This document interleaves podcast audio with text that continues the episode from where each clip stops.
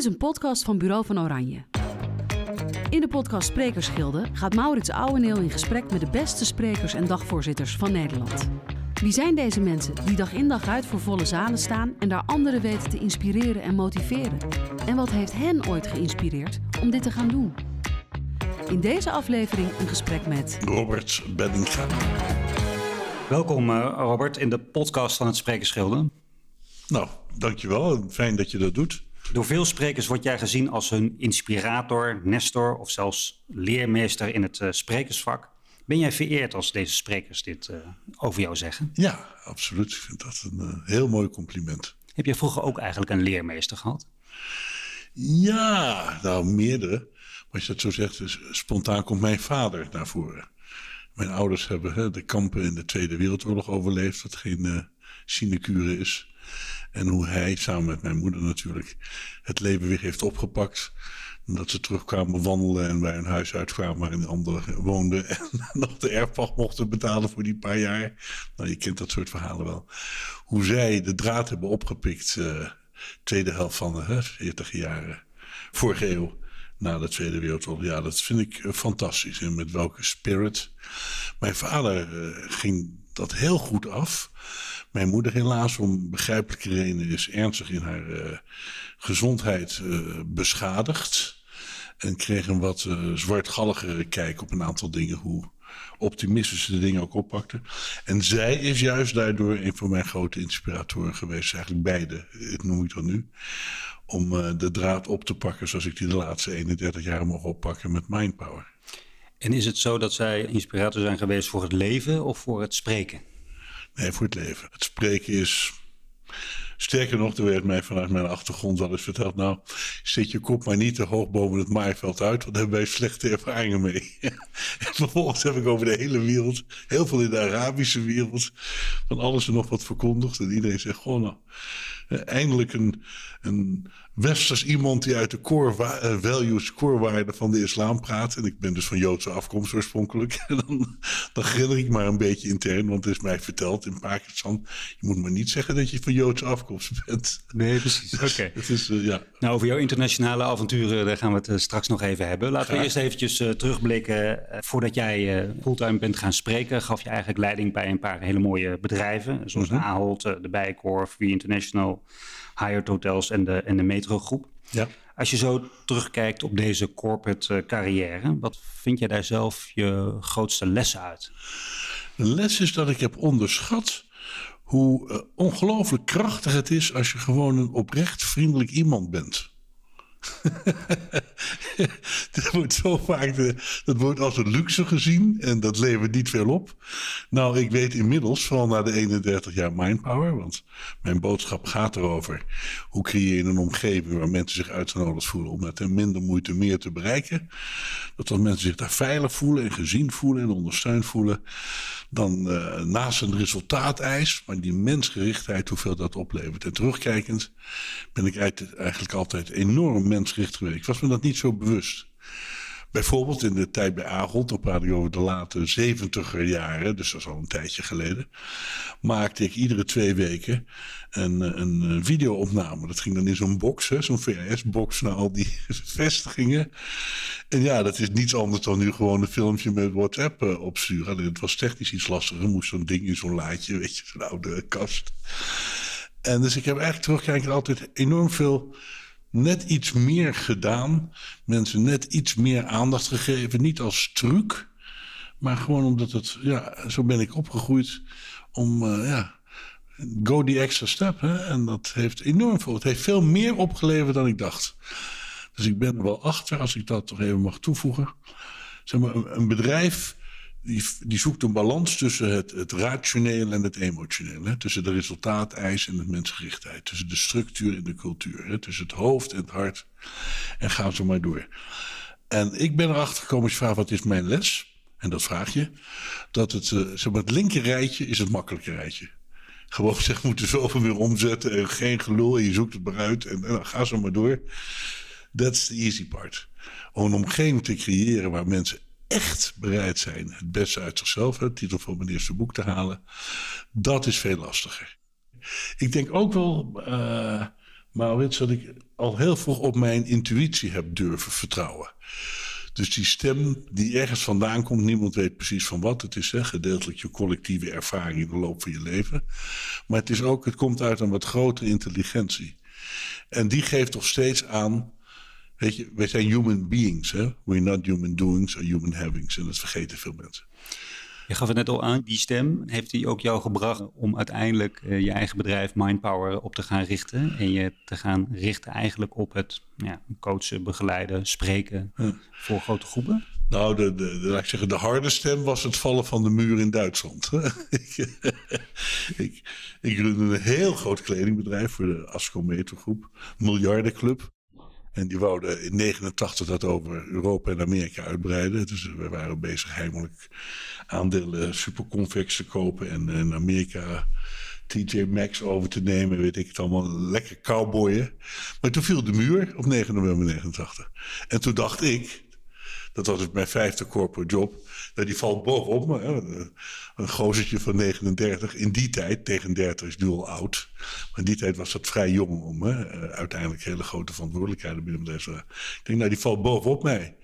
Nu weet ik terugkijkend dat die dat gat in die muur mijn pad gebracht heeft naar waar ik echt voor hier rondloop. En ja, of dat dan intuïtie was, in ieder geval die, die muur viel.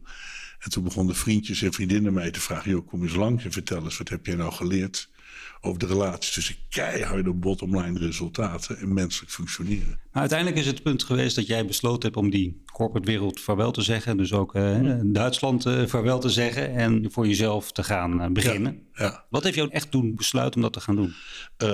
het gebeurde een soort van. Want mensen hoorden dat ik dus het bedrijf vroeg nog een jaar wou blijven. Heb ik gedaan. Dan hebben ze een zak met ducaten voor mijn huis neergezet om te zeggen, wil je tegen niemand uh, zeggen dat je weggaat, want dan ben je in Duitsland helemaal je strepen kwijt. Dat heb ik ook niet gedaan. Dus opeens, nou, dan had ik die zak ducaten waar ik rustig een jaartje verder mee kon. En toen ben ik eens gaan nadenken. Maar tijdens het nadenken, zeilend in de Caribbean, met mijn vriendje Geert, kwamen allerlei mensen zeggen, kom eens langs en vertel nou eens, wat heb je nou geleerd? Wat ik net al zei, hè? tussen keihard uh, centjes verdienen en menselijk functioneren. Ik denk, nou, kom wel eens aan, ga ik je vertellen. Dat was gewoon een aardigheidje. En dat aardigheidje liep totaal uit de hand.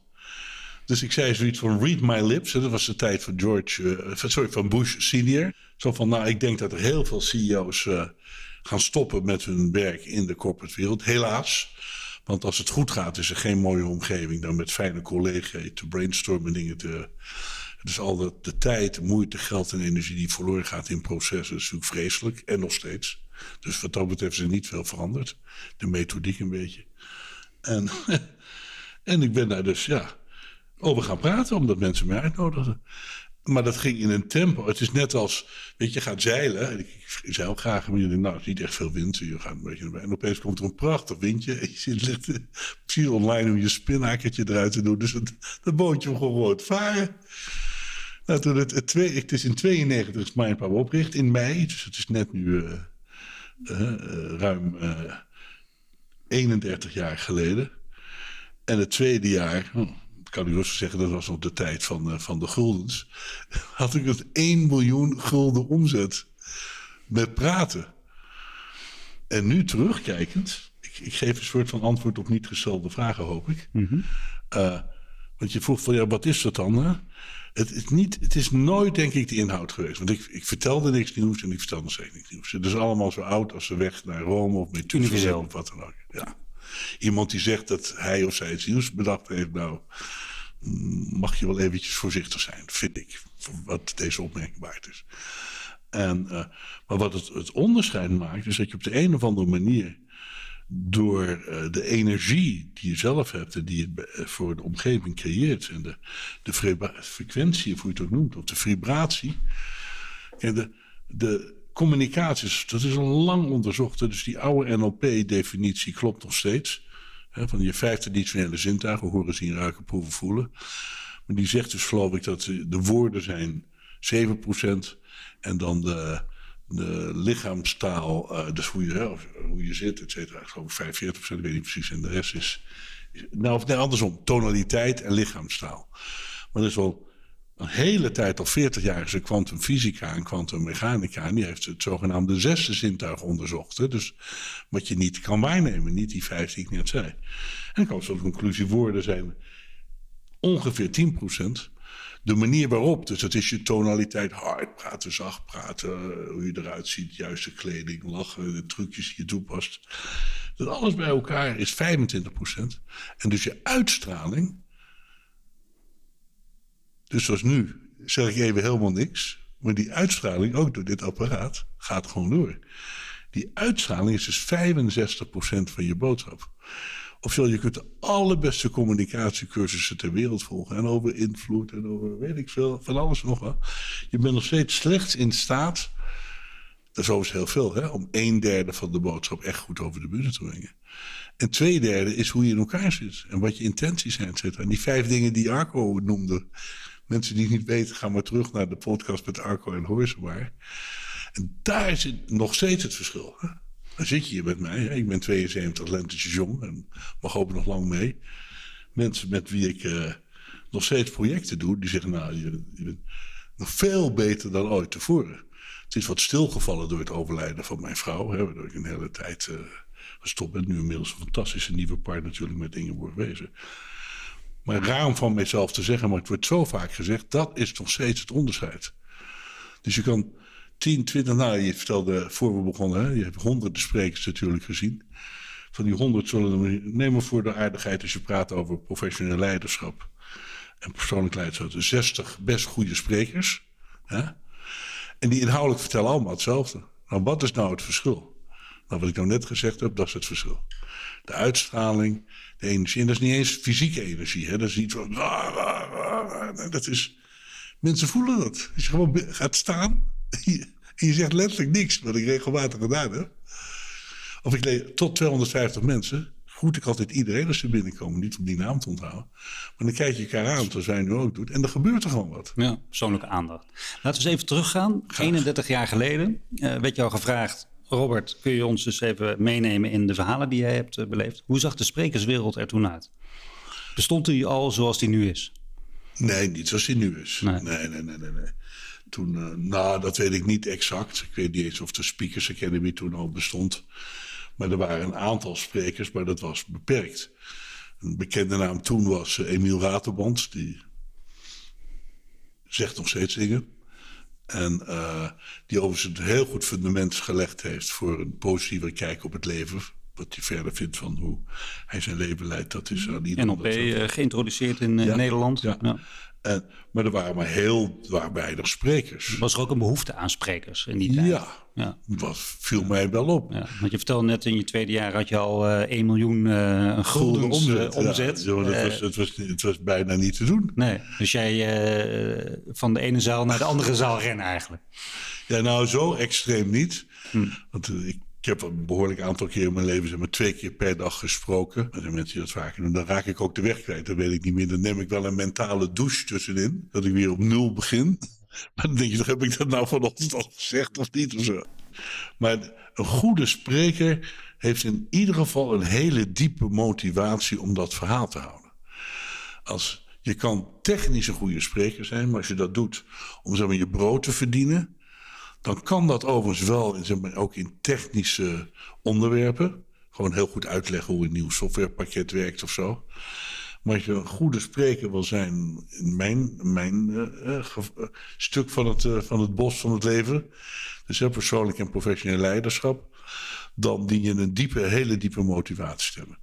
En die gaat veel verder dan waar je, waar je het eigenlijk over hebt in je sessies bijvoorbeeld in mijn geval, ik heb beide voorvallen al kort genoemd. Mijn ouders oorlogervaring en mijn vrouw, die een vreselijke kankertijd gehad heeft en de planeet veel te vroeg verlaten heeft. Dat creëert nogal wat.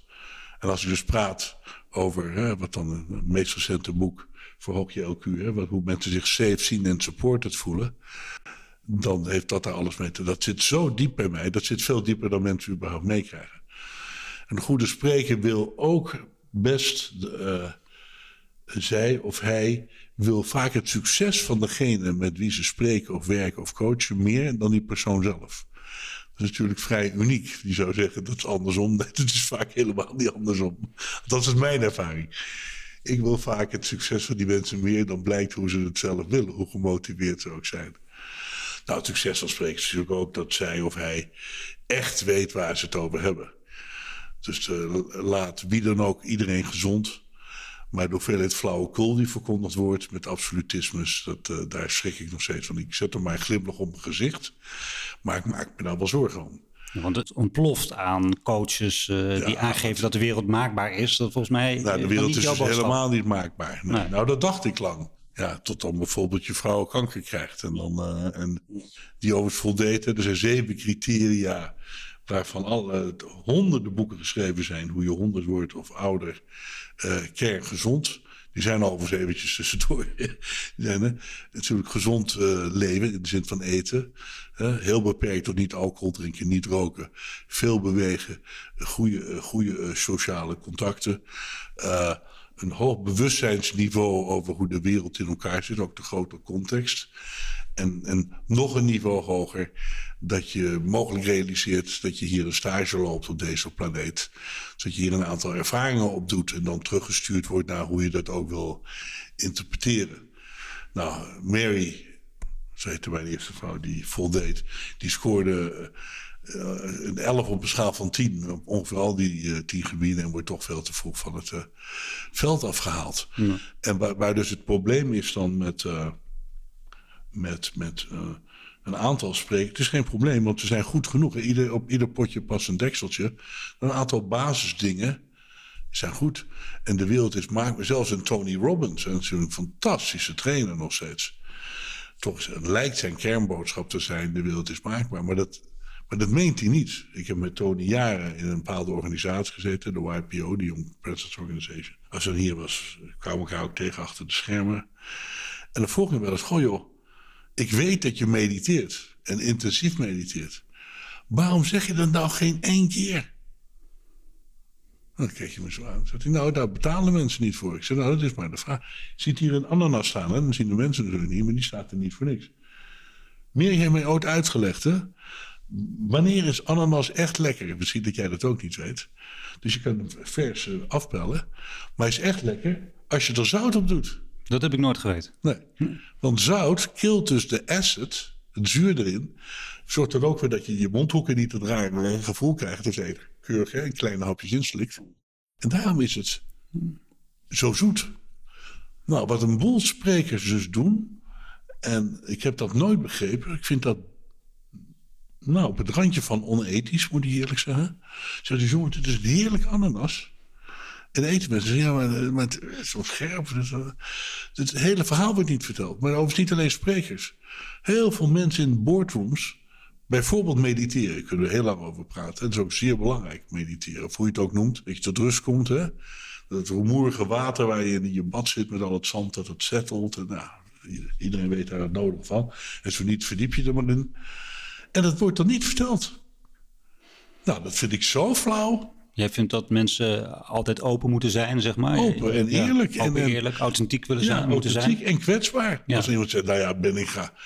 Jeetje man, eigenlijk draag je dus een oranje jurk en dan loop je met wierook rond. Nee, ik wel, maar ik mediteer. en dat, dat je het ook, hè? Dan, mediteren als je tanden poetst. Weet je, als je je tanden niet poetst, dan kan je een paar dagen doen, dan stink je gewoon uit je bek. Nou, vinden mensen niet fijn, vind je zelf ook niet fijn. Het zijn allemaal hele normale dingen. Ja, je hebt deze uh, attributen hier uh, liggen met een reden, hè? Ja, nou, mogelijk komen ze ten pas. ja. Van alles en nog wat ligt er. Nou, Ja. misschien wel of het aan de orde komt. Zijn dat voor jou hulpmiddelen om uh, tot een boodschap ook te komen? Ja, het, het A, het is voor mij uh, zoiets van, oh, dat zou ik nog even kunnen zeggen. Hè? Het is ook een soort reminder. Maar het is denk ik nog belangrijker. Ik heb, dus, ik heb heleboel dingen uitgevonden door spreken. Met twee dingen in ieder geval. Eén, mensen hebben, hè, zijn of visueel of auditief of kinesthetisch. Dat is bekend, dat zijn dan termen uit de oude NLP. Dus hoe nemen dingen... Mensen zeggen, oh, ik, ik, ik, ik zie nu wat je bedoelt. Hè? Dat is zo visueel. Hè? Auditief, oh, ik, ik hoor wat je zegt. Jeetje. Nou, dat komt wel binnen. Hè? Dat is dan kinesthetisch. En dus het, het laten zien van dingen, of het gebruiken van metaforen en beelden, dat is overigens niks nieuws, heb ik niet bedacht. Dat helpt zo enorm. Je, je kent de sticker Hello Tiger, I Love You. Hè, ja, ik, ik, ik, had daar een vraag over. Want iedereen kent uh, de sticker die op spiegels hing. Hoe lang heeft die sticker jou eigenlijk nog achtervolgd? Nou, nog steeds. Komt er iedere dag verzoeken binnen. Mensen verhuizen. Ik heb een nieuwe computer en dan weet ik het allemaal. Die willen nieuwe stickers hebben? Ja, nou achtervolgd vind ik dus... Dankjewel dat je dat woord gebruikt, maar dat vind ik niet het juiste woord. Wat is het juiste woord? Nou, dat, dat weet ik ook niet in principe. Het, het, het, uh, ik zeg als een grap van je krijgt deze straks ook weer mee van nou, ze zijn ingestraald en al. Ja, maar, dat is een grapje, weet ik. Ja. op een bepaalde manier, er zit dus de energie van het verhaal achter. Wat was ooit het idee van die sticker? Het kwam boven. Uh, ik ben in 1950 geboren, en Mary, hè, mijn overleden vrouw ook. En dat is het jaar van de tijger in de Chinese hè, horoscoop. En Mary was, was Chinese, of is nog steeds Chinese, alleen niet meer op deze aarde. Uh, dat, ik werd echt, ik werd letterlijk een keer wakker met de kreet Hello Tiger, I love you.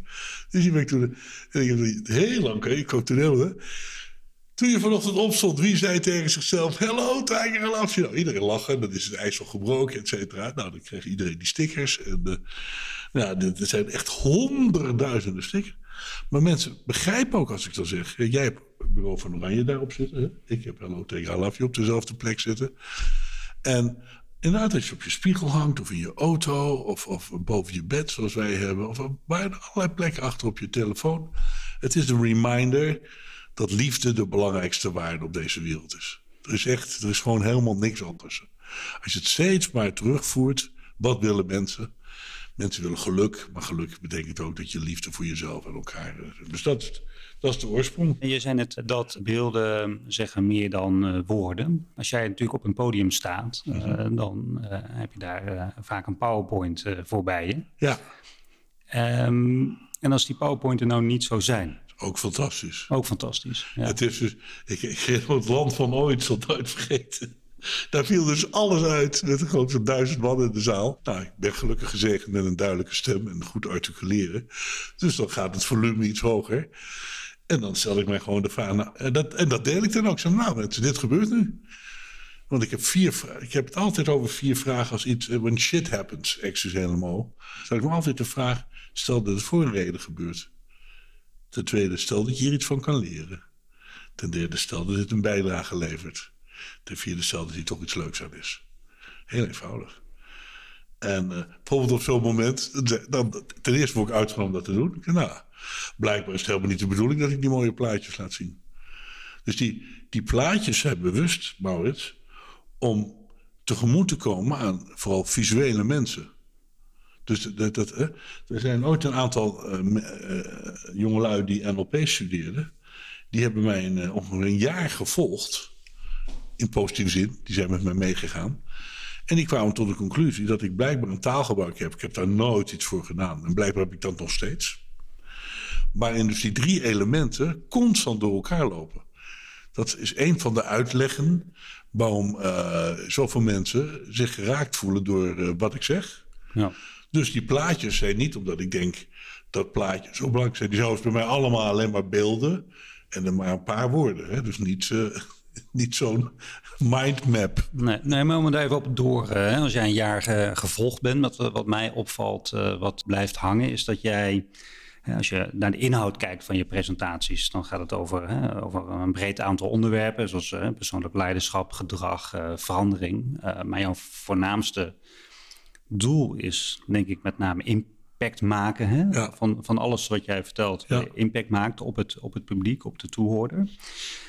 Uh, wat mij wel ook opvalt, is dat jij de onderwerpen hebt verpakt in eigen titels. Zoals de, hè, de triple S, de, de, ja. de hit experience. Ja. Wat is de gedachte daarachter? Ja, maar uh, ten eerste dank dat je dat gevolgd uh, hebt. Ten tweede, ik geef er binnen 30 seconden, seconden antwoord op. Ik roep ook altijd, geloof geen woord wat ik zeg. Hè? De enige manier om achter te komen of dit werkt, is dat je het doet. Want daar gaat het om. Want ik, ik weet het al. En ik hou die verhalen om mezelf te motiveren om het steeds toe te passen. Ja, dus if you, if you don't use it, hè, you lose it. Ja, nou bijvoorbeeld Triple S, dus waar het laatste boek over gaat, The Feel Safe, Seen and Supported. Dat er zoveel voorbij gekomen. En het is allemaal waar. Wat zijn de belangrijkste waarden? Wat zijn de belangrijkste principes? Wat zijn de belangrijkste theorieën? En dat zijn altijd vrij lange rijtjes. Nog niet zo lang, vier, vijf, zes, zeven dingen. En die zijn moeilijk te onthouden. Dus wat ik prettig vind, is uh, ten eerste kan ik het dan zelf onthouden. Dat weet ik zeven zien supported. Want dan moet ik de zeven neem van uh, Tony Robbins, wat ik net zei. Dan moet ik echt nadenken om ze weer alle zeven te onthouden. Maar die zitten allemaal, niet alleen van hem of van wie dan ook, of Stephen Covey en ga zo maar door. Die zitten allemaal in die drie begrippen. Want als je dat boek leest, je krijgt het zo van mij mee, dan krijg je dat ook mee. Maar je hoeft het niet eens, als je mensen alleen maar vraagt. Ik heb daar natuurlijk een workshop over die, uh, die zeer goed aankomt. En je hoeft alleen maar mensen te vragen, ga eens definiëren. Als je het safe, daar geef ik een paar voorbeelden waar het voor staat. Dus gezien, je mag fouten maken, et cetera. Uh, wat is het voor jou? Dan gaan mensen dat opschrijven. En mensen, dan, vraag dan zijn zeven vragen, zo'n protocolletje, wat zo'n anderhalf uur duurt. En dan zeg ik, nou, wie is, wie is hier ambassador? Wie spreekt dit aan? Dan steekt er iemand zijn hand omhoog. Dat is dan weer de contactpersoon, de champ. Zeg, nou stuur ze allemaal eventjes goed leesbaar aan die persoon. Die maakt er één totaal ding van. En dan gaan jullie met elkaar maar kijken. Als ik je nog eens een keer zie, graag. Maar dat is helemaal niet de bedoeling van deze sessie. Ga dan een plan maken hoe je dat doet. Met altijd het verkeerslicht erbij. Dat heb je misschien ook. Daar heb ik het altijd over. Waar ga je mee stoppen? Waar ga je mee door? Waar ga je mee starten? Iedere week opvolgen. Ontzettend eenvoudige methode waanzinnig wat eruit komt. Maar dat heeft mede mensen gewoon onthouden. Safe zien supporters. Je houdt in principe van samenvatten. Want achter, eigenlijk achter die afkortingen zit eigenlijk heel veel inhoud. Wat jij tot de kern wilt terugbrengen. Ja. Dat is het idee, denk ik. Ja, want de hit-experience die je net zegt, dat komt van de hit. Je krijgt een klap. Ja. Hoe maak je nou HIT, een High Impact Transformation? En hoe maak je een nieuwe hit? Een topper. Dat, is, ja, dat vind ik gewoon leuk. Ik, ben dat ik ben de hele dag. er zijn heel veel sprekers die deze twee dingen verwerkt hebben in hun verhalen eigenlijk. Je bent voor heel veel sprekers eigenlijk ook op dat terrein een inspirator geweest. Nou, als dat zo, dat, ik vind dat een, denk ik een te grote eer, want het is natuurlijk niks nieuws. Ik heb er redelijk wat gehoord. Ja, nou, dankjewel dat je het zegt. Uh, en fijn, want je wil gewoon dat mensen naar huis gaan met een hele concrete, en tegen het zo mooi take-home value hebben. neem ik nou mee naar huis. Buiten gewoon toegevoegde waarde. En dat is mijn ervaring als je dat met dat soort kleine, de drie van dit en de vier van dat. Die vier vragen die ik net zei, dat is allemaal, allemaal van die dingen. De vijf pilaren van succes, die ken je ook. Het waar is van het leven, misschien gaan we het er nog over hebben. De tijd gaat snel. Maar het zijn allemaal heel compacte dingen. Buitengewoon toegevoegde waarde. Je hebt over de hele wereld eigenlijk uh, presentaties uh, gegeven. Ja. Volgens mij iets van 71 landen. Tot nu toe 71 landen.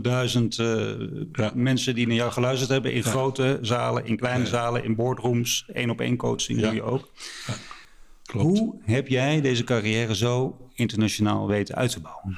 Nou, er is één heel belangrijk iets in. Ik ben 32 jaar lid geweest van een organisatie, heet de Young Presidents Organization. Wat ik toen straks heel even zei. Waar je Tony Robbins Ja, die was ook lid van. En Cam Blanchard heeft daarvoor gezorgd. En Deepak Chopra is er groot geworden. Dat, de, mm. En uh, daar ben ik, over, ben ik toen voor gevraagd toen ik die Duitse organisatie runde. Want je moet dus uh, in de boord zitten van een heel groot uh, bedrijf. Of zelf een heel groot bedrijf hebben. zijn bepaalde criteria. En ik ben door twee mensen daar geïntroduceerd. Waarvoor ik nog steeds zeer dankbaar ben. En ik was er helemaal niet om te spreken. Maar ja, dat horen mensen.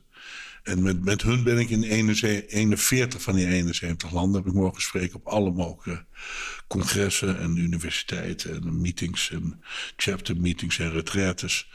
Dat is wel, dat is by far, verreweg, sorry dat ik af en toe Engelse woorden tussendoor gooi. Dat, dat is, is het lidmaatschap van de YPO is een van de hoofdredenen geweest waardoor dat internationaal zo enorm snel gegroeid is. Ja, en als je dat verhoudingsgewijs uh, neerzet, is het dan uh, Nederland is eigenlijk te klein? Ja, wel ik denk van die 300.000 mensen dat er wel 200.000 mensen in Nederland wel, van zijn. Okay. Ja, ja, ja, ja, ja, Want de grote zalen, ze hebben de week van de onderneming en, en de NIMA-congres en allemaal van dat soort hele grote dingen. Hm. Dat gaat natuurlijk snel dan, uh, die aantallen. ja. Ja. Of ook binnen bedrijven. Die, die, het gaat ook wel eens mis. Hè? Maar mag ik een anekdote vertellen? Je houdt van anekdotes, stel je. Ja. Ik denk hier bij de, de introductie van bedrijfskleding van een groot financieel instituut. In de rij, hè, 1700 man. En uh, er was uh, voor de pauze, dat was middags, en dan uitlopen naar de borreltijd, werd die kleding geïntroduceerd. En er was ook een, uh, nou, een voetbalclub die dat bedrijf sponsorde en zo. Dus ik zei van tevoren, zodat het wat van die voetballers zijn die die kleding aan hebben. Ik breakdance, maak er een groot feest van. En ze vroegen mij na de pauze te komen bespreken over, nou, dan hebben we die kleding. Dat is dan zeg maar maximaal 35 procent, hoe je eruit ziet en hoe je praat. Maar twee derde is je uitstraling. Dus daar ging ik een verhaal over houden. Ik zei, dat is fantastisch, maar natuurlijk als je dat echt swingend doet voor de pauze, je dient dus duidelijk in de uitnodiging te zetten. En daarna gaan we praten over wat is nou onze uitstraling als bedrijf. Niet alleen de mooie kleding. Ja, gaan we regelen. Ik zeg, het moet echt duidelijk in de uitnodiging staan. Want anders gaat dat mis. Ja, gaan we doen. Nou, je voelt hem al aankomen. Dus tot de ik heb zelf vijf keer gevraagd, mag ik de uitnodiging even zien? Werd ook niet achtergehouden, ik weet het niet waar. Dus op die dag zag ik daar een uitnodiging. En er staat dus alleen maar op na de pauze een grote verrassing. dus, en ik zie zo die zaal. En uh, nou, hartstikke leuk voor de pauze. En ik denk, nou ja, ik zie die mensen de pauze gaan en ze zo tegen elkaar mompelen. Nou, of nu komt René Vroger, of in die tijd nog Marco Bossato. En dan gaan we door. Nou, toen kwam ik, nou, er is niks verkeerd aan mij hoor, dat durf ik echt te zeggen. Maar dat paste helemaal niet bij het verwachtingspatroon. Nou, daar heb ik dus onder andere van, als iets dus misgaat, hè, shit happens, wat, als dit voor een reden gebeurt, nou nog duidelijker checken dat inderdaad de afspraken die je met elkaar maakt gemaakt worden. Wat leer je ervan? Ja, dat, dat, er zijn gewoon een aantal regels. Dat gaat te ver voor nu. Ja, maar hoe zit jouw, hè, want het heeft eigenlijk te maken met voorbereiding. Dat is iets waar eh, veel sprekers veel tijd in steken. De een nog meer dan de ander. Hoe, hoe ziet jouw voorbereiding op een lezing eruit? Dus heel, heel veel in mijn kopie. Een klant belt, Robert, wil je spreken op die, die datum? Wat gaat er daarna hier gebeuren? Oh, nou, ik, bijna altijd wil ik een aantal mensen uit de organisatie spreken, door alle geledingen heen. En dat is dan inclusief in de, in de, in de prijzen, zij dat helemaal uit de hand loopt. Dus dan heb ik daar gewoon een kort gesprek mee. Uh, tegenwoordig met uh, FaceTime of uh, WhatsApp beeld. Vroeger ging dat dan met bellen. Want ik wil heel goed weten wat er aan de hand is. Want mijn verhaal niet per se diep ingrijpt wat er in het bedrijf zelf gaande is. Hè? Als transformator, uh, maar wel het menselijke. Dus al praat ik er niet concreet over, als ik weet wat daar speelt, dan gaat automatisch.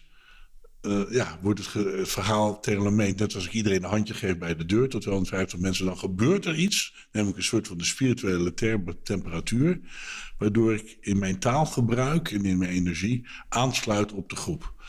Dat is eigenlijk heel serieus, maar anders serieus bijvoorbeeld Ingeborg en ik doen ook. Hè, die workshops over relaties. En Ingeborg is heel, heel van de teksten goed op een rijtje zetten en nog een keer doornemen. En zullen we de avond ervoor. Ik zeg, nee, schat, dat werkt voor mij gewoon niet. Ik maak heel veel video's. Heb ik goed over nagedacht, maar staan er in één keer op. Maximaal twee keer. Want anders denk ik, nou, gaat gewoon niet door, want dan wordt het mij kunstmatig. Dus ik bereid me heel goed voor. Maar niet van uh, uh, kaarten met teksten erop en, en weet ik veel. Het, zit gewoon heel goed in mijn hoofd. Heel veel gebeurt op de dag zelf. Je hebt zeg maar wel goed je onderzoek gedaan wat je wil vertellen. Ja. Maar uh, jij bent ook de meester in het contact maken eigenlijk. Hè? Als jij spreekt, zeggen ze. Ja, dan maak je eigenlijk heel, heel veel contact met de zaal. Ja, ja, en het, overigens een. Uh, oh, ik, ik zei toen straks twee dingen die heel belangrijk zijn. Ik heb de tweede nog niet genoemd. Dus dank je dat je erop terug. Eén is dus met met plaatjes voor het visuele, hè, maar ook heel veel uh, metaforen en, en, dingen laten zien, waardoor mensen herinneren. Maar het tweede is wat ik noem de 1, 2, allen methode. Er zijn maar weinig sprekers die dat doen. Dus ik stel heel veel vragen vanaf het begin. Wie zou het fijn vinden om een paar technieken te krijgen waardoor je leven naar het volgende niveau gaat? Nou, iedereen natuurlijk. Hè. Dus dan krijg je al buy-in. Maar vervolgens zeg je op allerlei onderwerpen, denk even voor jezelf na, wat is dat? Hè? Ik vraag ook meestal wat papier ligt en dat ze het kunnen opschrijven.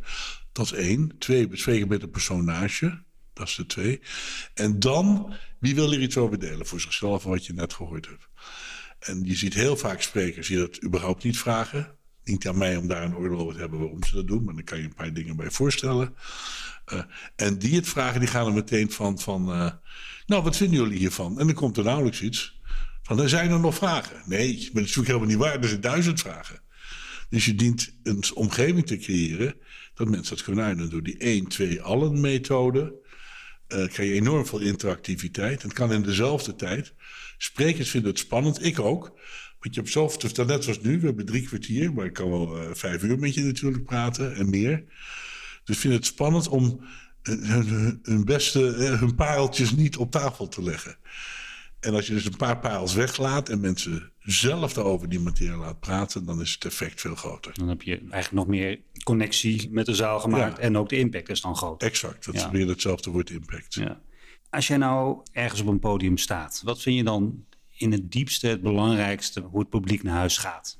Naar jouw boodschap. Ja, nou, dat, dat, ze, uh, dat ze een paar dingen meenemen, maar niet alleen meenemen, ook daar iets mee gaan doen, de kwaliteit van hun leven op het werk en thuis en voor hunzelf verbetert. Dat is het belangrijkste. Het gaat nooit om de. Mensen zeggen dan een soort van. Oh, het was, was reuze leuk. Ik heb me enorm geamuseerd. En dan, je, dan glimlach ik. Ja, maar daar, ging het dus helemaal niet over.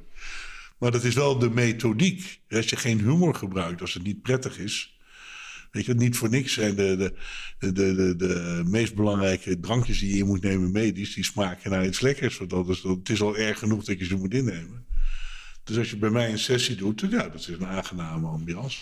En is het nou zo dat de, de, moedertaal is, is Nederlands? Ja. Uh, als jij, uh, en Engels. Ik spreek twee moedertalen. Oké. Stel je staat in, in, een land in het Engels. Kan, jij precies dezelfde grappen maken in dezelfde taal? In het Engels wel. Hm. Uh, in het Duits wat moeilijker. Dus we geven twee keer per jaar op een instituut Huis der Familie, het huis van de familie in Italië, workshops in de privésfeer. Dat is Südtirol, dat is Duits sprekend, maar daar ben ik niet vloeiend in. Wat grappig is, als je, als je ooit een bewijs wil, dat mensen krijgen het voelen. Ik heb ooit hier in Nijmegen, waar we nu vlakbij zitten, ik woon in Beek, voor dat zit de, uh, de dus het is verzekeringsbedrijf van de BOVAG. Daar de opening van het gebouw gedaan. Daar zaten mensen van. Uh, de AAA bij de, en de, van de, de Britse automobielclub, de BAC. En die meneer kwam na afloop naar mij toe en die sprak in prachtig Queen's English.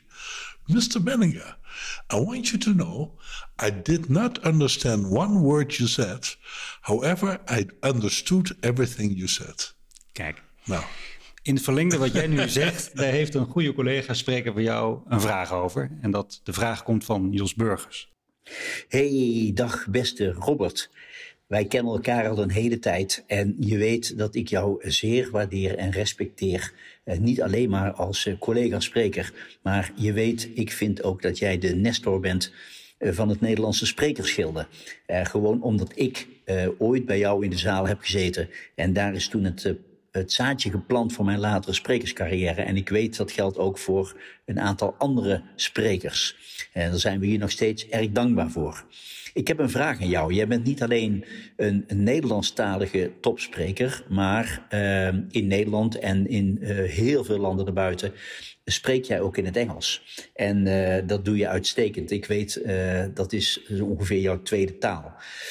En nu weet ik dat je dan vaak in de zaal uh, mensen hebt zitten die die Engelse taal ook niet zo machtig zijn. Je hebt dan een zaal met Fransen, je hebt Italianen, je hebt Spanjaarden, nou noem maar op.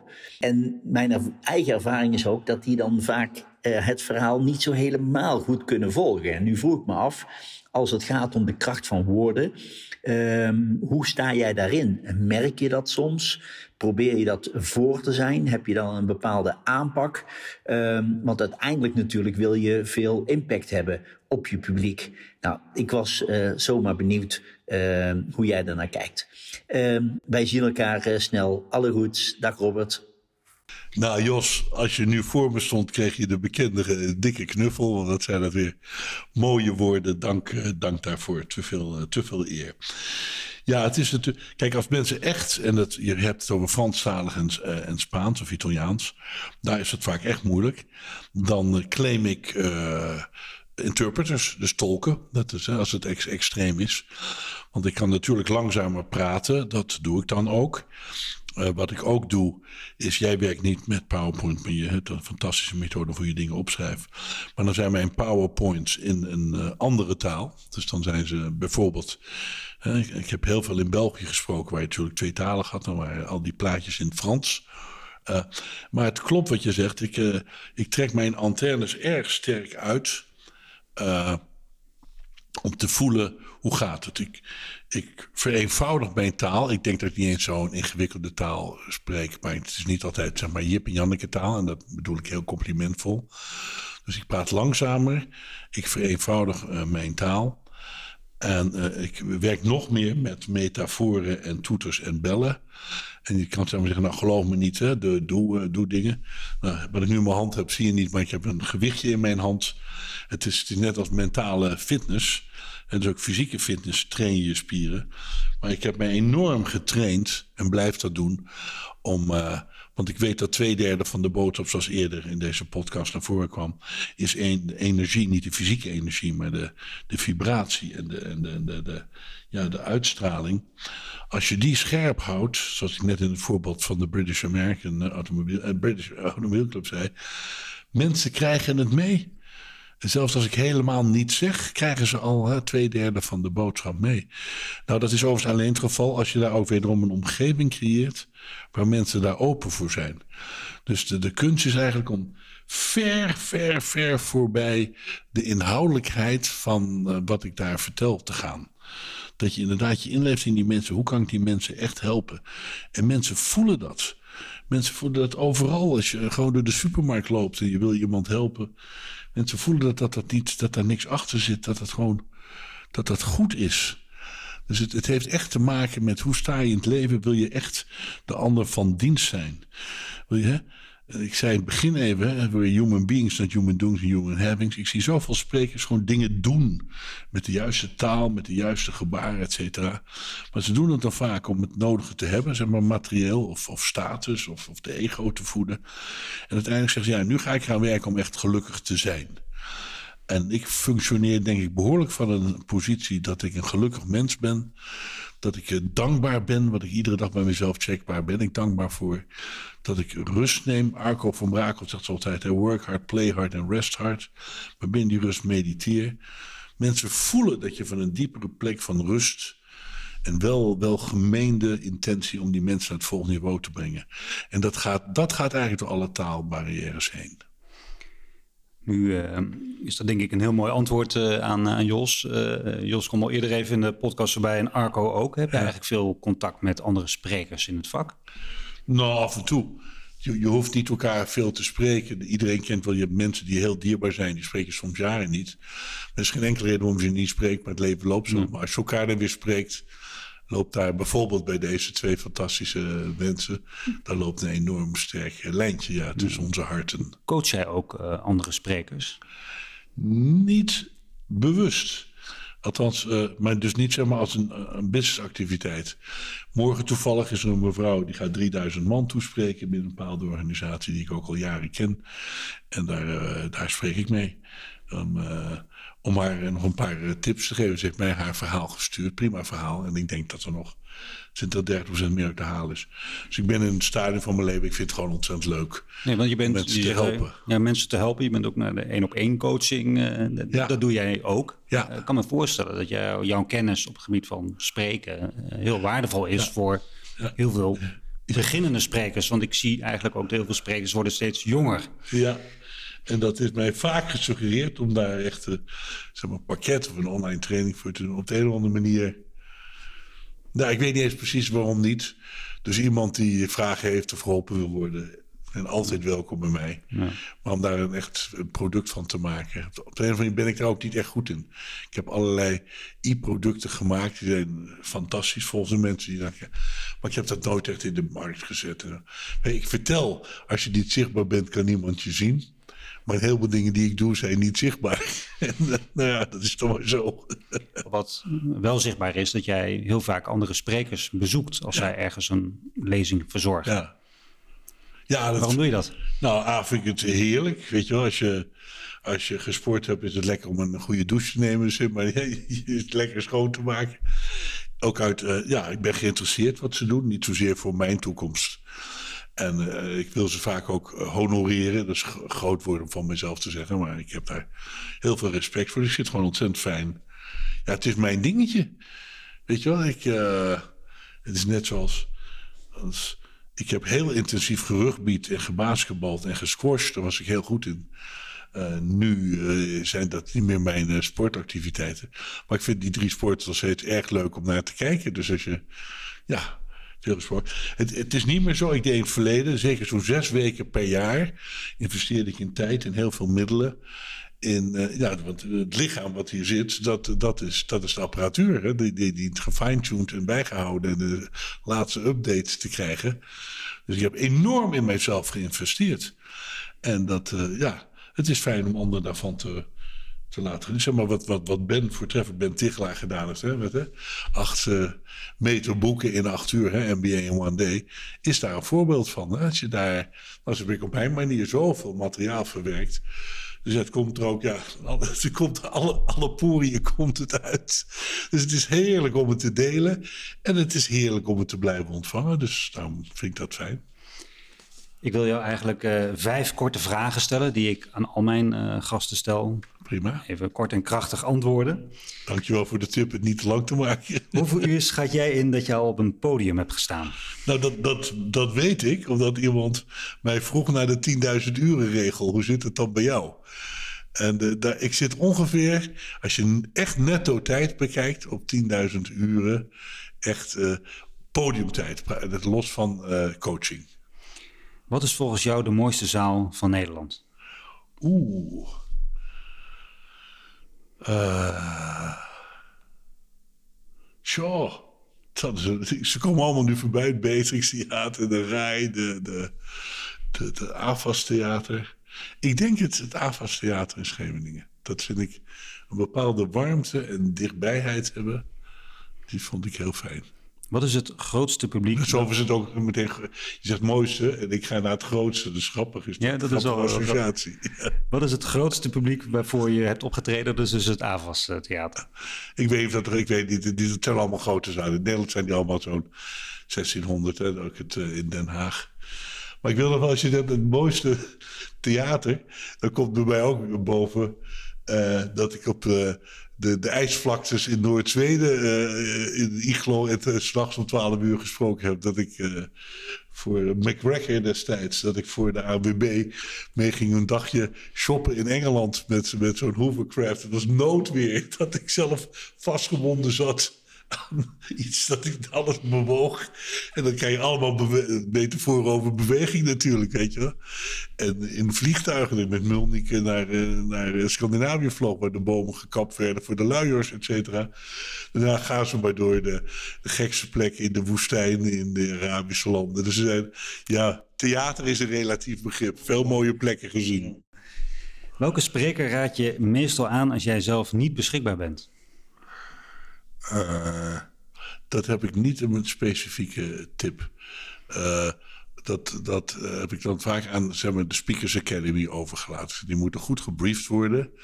Want mijn voorkeur wil niet altijd zeggen, zeg maar een Arco of een Jos, want die nu ter sprake kwamen, zijn er veel meer ben, et.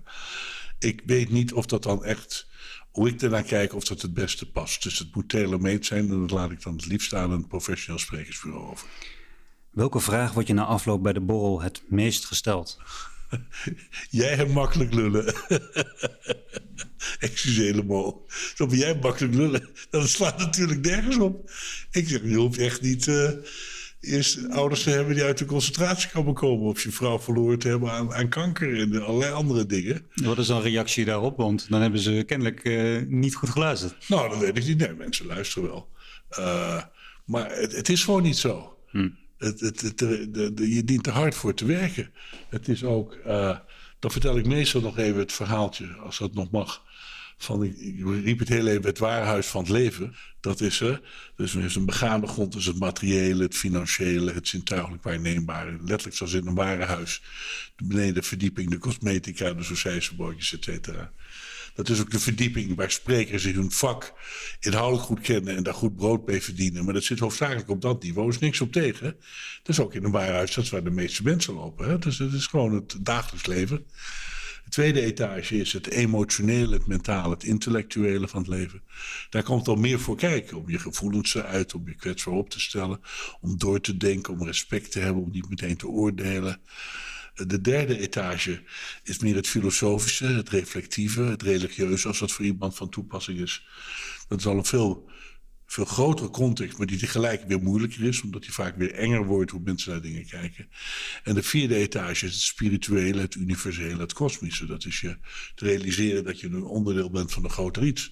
En wat je van de ander vindt, dat je het over jezelf hebt. Die ander is namelijk jezelf ook. Het is natuurlijk ook de ander, want daarom heet hij de ander. Nou, dan wordt het alweer filosofischer. Dan ben je weer op de derde verdieping. Maar de grap is, we zitten allemaal uh, in dat waarhuis van het leven. Dus je concentreert je op een van die verdiepingen, maar je bent in het hele gebouw. Dus als mensen zeggen van, uh, de vraag die mij het meest gesteld wordt, uh, van nou jij hebt makkelijk lullen. Dat, maar het lukt allemaal, omdat ik, ga zeg maar regelmatig heen en weer in die verschillende etages. Want als je blijft steken op één etage, weet je, je kan wel een week ergens eh, boven een berg gaan zitten en mediteren. Ja, dan kom je terug, dan, dan denk je van nou, dat werkt toch niet. Hè? Maar je, het is belangrijk daarboven te zitten. Maar het is ook belangrijk dat je gewoon de rekeningen kan betalen. En dat je mensen begrijpt. Dat uh, je gewoon uh, ja, fatsoenlijk materieel en, en, en, en leven hebt. En dus het is allemaal waar. Dus kijk, hier staat hier ook nog een kannetje staan. Hè, wat je energie, wat je water geeft, dat groeit. Hè? Nou, je mag kiezen, do you water the weeds of do you water the seeds? Hè? Geef je water aan het onkruid in je tuintje van het leven of geef je water aan de zaadjes? Nou, ik suggereer zeer sterk, maar dat was wel duidelijk denk ik, om de zaadjes water te geven. En tegelijkertijd wel het onkruid eruit te halen. En zoveel mensen, zeker in deze tijd met alle, alle rotzooi die de wereld in gegooid wordt. De, het onkruid krijgt vaak meer aandacht dan de zaadjes. Lees de krant maar, luister maar naar het nieuws, kijk maar naar de sociale media. Dus er is erg veel tegenwicht nodig om de boel in balans te houden. En ik hoop daar nog uh, daar lang mijn bijdrage aan te mogen leveren. En de tafel, die, daar liggen attributen. Ja. Uh, al even aan gerefereerd. Ik mis eigenlijk één attribuut. Namelijk? Uh, de elastiek. Nou, die, die lag oh, die ligt buiten mijn gezichtsveld. die ja. ligt achter. Ja, de elastiek is, ja, dat is een bekend beeld. Dat is een van de naast verkeerslicht en hello-taken die mensen zien. Als je hier, hier vandaag bent, die wil naar morgen, dan moet je het loslaten. En dan doet het wat pijn. Maar als je niks doet, je laat je ideeën voor morgen los, dan doet het ook pijn vandaag. Dus als iets toch moeite, tijd, geld en energie kost, kan je er maar beter voor gaan. Want dan kom je verder, anders kom je geen millimeter verder. En het uh, was geen prettige reis. Je bent nog uh, erg uh, actief en nog vol, uh, vol energie. Welke ambities heeft Robert nog? Nou, geen ambities meer in de zin van een bucketlist van waar wil ik nog spreken. Een kreet die velen niet kennen tot mijn verbazing. Er is een bucketlist en er is een fucketlist. Dat zijn twee verschillende dingen. Ken jij, ken jij de fucketlist? Ik durf het niet te zeggen. Oh, je durft het niet te zeggen. nou, oké. Okay, maar het is... Uh, waar daarmee bedoeld wordt. Het is een hele belangrijke lijst. Want de bucketlist bij mij in zin van wat wil ik allemaal nog bereiken, die is, die is kleiner en kleiner. Want er komt op mijn pad wat er moet komen en dat doe ik dan. En daar ben ik heel vereerd mee. Maar de bucketlist is eigenlijk van dat ik twee elementen. Dat ik zeg wat ik vind omdat het gezegd moet worden. Oftewel, fuck it, wat, dat is dan blijkbaar niet gepast om dan je hand op te steken en zeggen, nou, ik ben het er echt niet mee eens, wat u nu zegt klopt niet, et cetera. Dus dat is fuck it in de zin van, dat gaat te ver, dat is gewoon niet acceptabel. En de fuck it list is ook, nou ja, laat maar zitten. Dat is, dat, dat, dat is een lastige. Hm. Dat je gewoon weet dat je iets met een ander wil delen. Zeg maar dat ik het succes van een ander meer wil dan die ander. En het, het komt niet binnen. Het komt gewoon echt niet binnen. Is, het, is het ook, fuck it, uh, om te zeggen, um, geef je ook ongevraagd je mening? Ja, wel eens. Ik geef wel eens antwoord op een niet gestelde vraag. Hm. En dat is dan inderdaad het eerste fuck it. Van nou, ik wil gewoon dat dit gezegd is. Ja. En het tweede, daar wil ik nog even een heel serieus element naartoe. Ja, de woorden zijn niet zo mooi, maar het ruimt zo leuk op fuck it. Daarom gaan, dat is weer mijn methode dat mensen het gaan onthouden. Hè?